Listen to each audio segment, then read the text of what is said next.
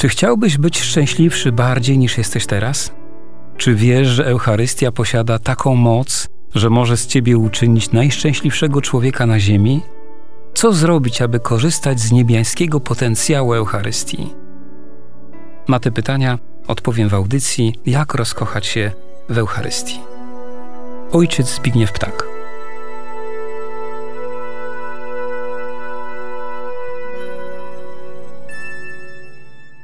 Każde nasze spotkanie rozpoczynamy od wspólnej modlitwy. Nie czynimy tego tylko zwyczajowo. Jest w nas głębokie przekonanie, że dotykamy tak wielkiej świętości, że nikt z nas nie jest godzien nawet pochylać się nad nią. Nie ma w nas właściwego usposobienia serca, aby mówić o niej, przypatrywać się świętości nad świętościami, a cóż dopiero karmić się nią. Wiemy jednak, że Stwórca, który jest jednocześnie naszym oblubieńcem, pragnie dawać nam siebie ponad wszelką miarę.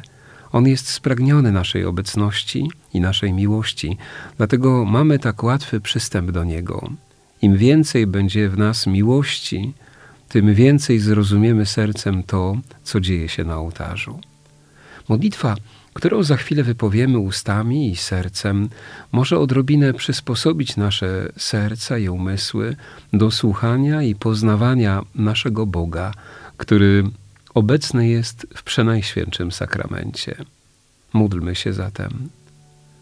Wszechmogący Boże, ofiarujemy Ci krew Jezusa Chrystusa, krew wszystkich męczenników, cnoty, zasługi Jezusa, Maryi, Józefa i wszystkich świętych w połączeniu ze wszystkimi mszami świętymi, do tej pory sprawowanymi i tymi, które do końca dziejów będą jeszcze sprawowane, w intencji naszego zadziwienia się Eucharystią, w intencji naszej żarliwej miłości do Eucharystii, w tej intencji, aby był w nas ciągły głód Eucharystii. Amen. Przypomnienie. Przed tygodniem mówiliśmy o hymnie Sanctus. Składa się on z dwóch części. Pierwsza inspirowana jest mistyczną wizją Izajasza, który widzi liturgię sprawowaną w niebie. Druga część tego hymnu od słów Hosanna na wysokości to słowa ludzi witających Jezusa wjeżdżającego na osiołku do Jerozolimy. Całość tej aklamacji to piękna chwila, która łączy liturgię sprawowaną na ziemi z liturgią sprawowaną w niebie. Dzisiejsza katecheza o mszy świętej poświęcona jest tak zwanej epiklezie. Nauczanie Kościoła. Jak zawsze w tym miejscu przywołujemy dokument, który zwany jest Ogólne wprowadzenie do mszału rzymskiego. O epiklezie napisano, że jest to szczególne wezwanie, w którym Kościół błaga o zesłanie mocy Ducha Świętego, aby dary złożone przez ludzi zostały konsekrowane, czyli stały się ciałem i krwią, i by niepokalana hostia przyjmowana w Komunii Świętej przyczyniła się do zbawienia tych, którzy ją będą spożywać. Rozwinięcie. Epikleza to zapraszanie, a nawet przywoływanie Ducha Świętego nad złożonymi darami. W drugiej modlitwie eucharystycznej, która jest najczęściej wypowiadana, epikleza zawarta jest w słowach: Uświęć te dary mocą Twojego ducha, aby stały się dla nas ciałem i krwią naszego Pana Jezusa Chrystusa. W każdej modlitwie eucharystycznej są to nieco inne słowa, ale sens wszędzie jest ten sam. Prośba o Ducha Świętego, który przemieni chleb i wino w ciało i krew Chrystusa. Zwykle rozróżnia się dwie epiklezy. Do pierwszej dochodzi przed konsekracją, druga natomiast ma miejsce po konsekracji.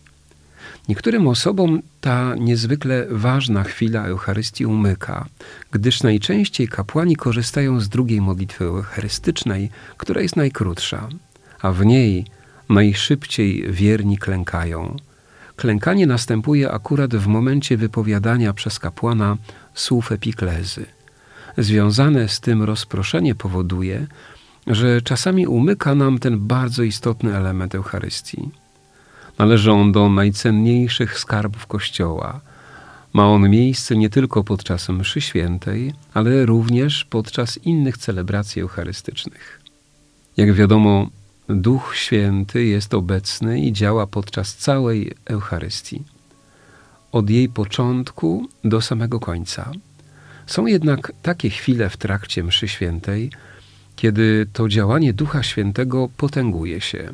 O jednym z takich wydarzeń mówiliśmy przed paroma tygodniami, kiedy pochylaliśmy się nad Ewangelią. Teraz jest kolejny szczyt działania Ducha Świętego. Polega on na tym, że Duch Święty, który w wydarzeniu zwiastowania ukształtował Jezusa w łonie Maryi, teraz będzie przemieniał chleb w ciało Boga, a wino w jego krew. Ten sam Duch Święty, który sprawił, że obumarłe ciało Jezusa Chrystusa zmartwychwstało, teraz obumarłe postacie chleba i wina przemienia w żyjącego Boga.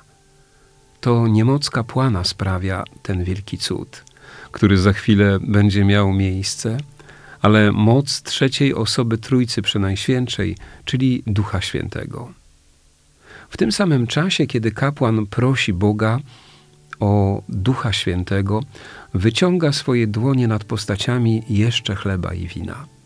W naszej kościelnej tradycji zawsze tak było, że kiedy kapłan w liturgii wyciągał swoje dłonie, to następowało zesłanie Ducha Świętego. I teraz właśnie stępuje Duch Święty, a świątynia, w której dochodzi do tego wydarzenia, niczym nie różni się od wieczernika, w którym po wniebowstąpieniu Jezusa Chrystusa nastąpiło zesłanie Ducha Świętego. Epikleza, o której przed chwilą mówiliśmy, często nazywana jest konsekracyjną. Oczywiście ze względu na to, że dotyczy konsekracji. Jednak już po konsekracji następuje druga epikleza, nazywana komunijną. Przywoływanej już drugiej modlitwie eucharystycznej kapłan po przeistoczeniu wypowiada następujące słowa: Pokornie błagamy, aby Duch Święty zjednoczył nas wszystkich przyjmujących ciało i krew Chrystusa. Jest to kolejne zesłanie Ducha Świętego. Tym razem wstępuje on na wszystkich uczestników boskiej liturgii, szczególnie tych, którzy za chwilę przyjmą Komunię Świętą.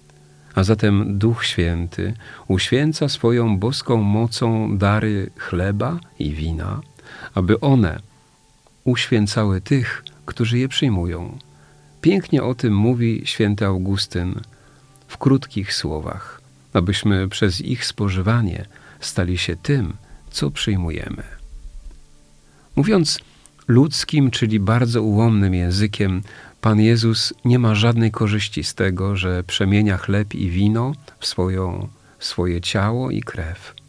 On wszystko, co czyni, tylko i wyłącznie dla nas czyni, po to, aby Kościół mógł być uformowany jako ciało Chrystusa.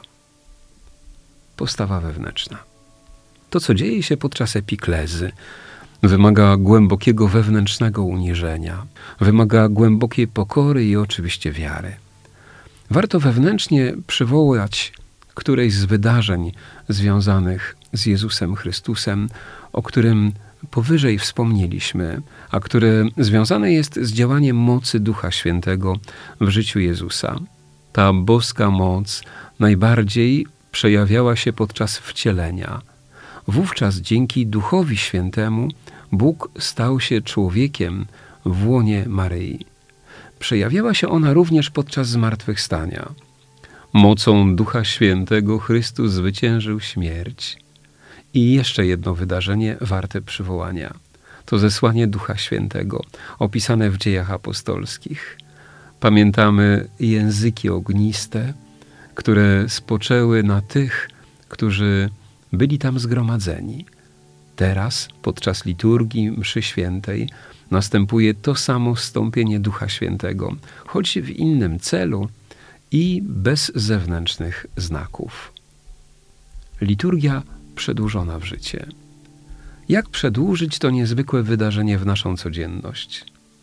Ważne jest, aby jak najczęściej pamiętać, że zawsze, kiedy jesteśmy w stanie łaski uświęcającej i przyjmujemy komunię świętą, nasze wnętrza są świątyniami Ducha Świętego. Ten sam Duch Święty, który stąpił na postacie chleba i wina, stąpił również na całą wspólnotę zgromadzoną w świątyni, czyli na każdą osobę oddzielnie, indywidualnie.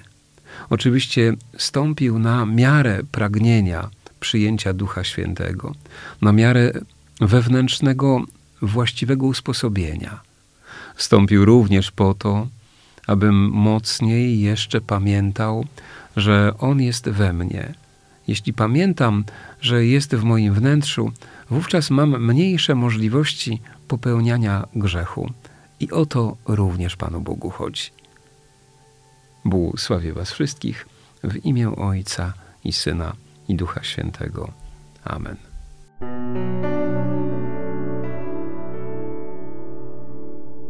Czy chciałbyś być szczęśliwszy bardziej niż jesteś teraz? Czy wiesz, że Eucharystia posiada taką moc, że może z ciebie uczynić najszczęśliwszego człowieka na ziemi? Co zrobić, aby korzystać z niebiańskiego potencjału Eucharystii? Na te pytania odpowiem w audycji Jak rozkochać się w Eucharystii. Ojciec Zbigniew Ptak.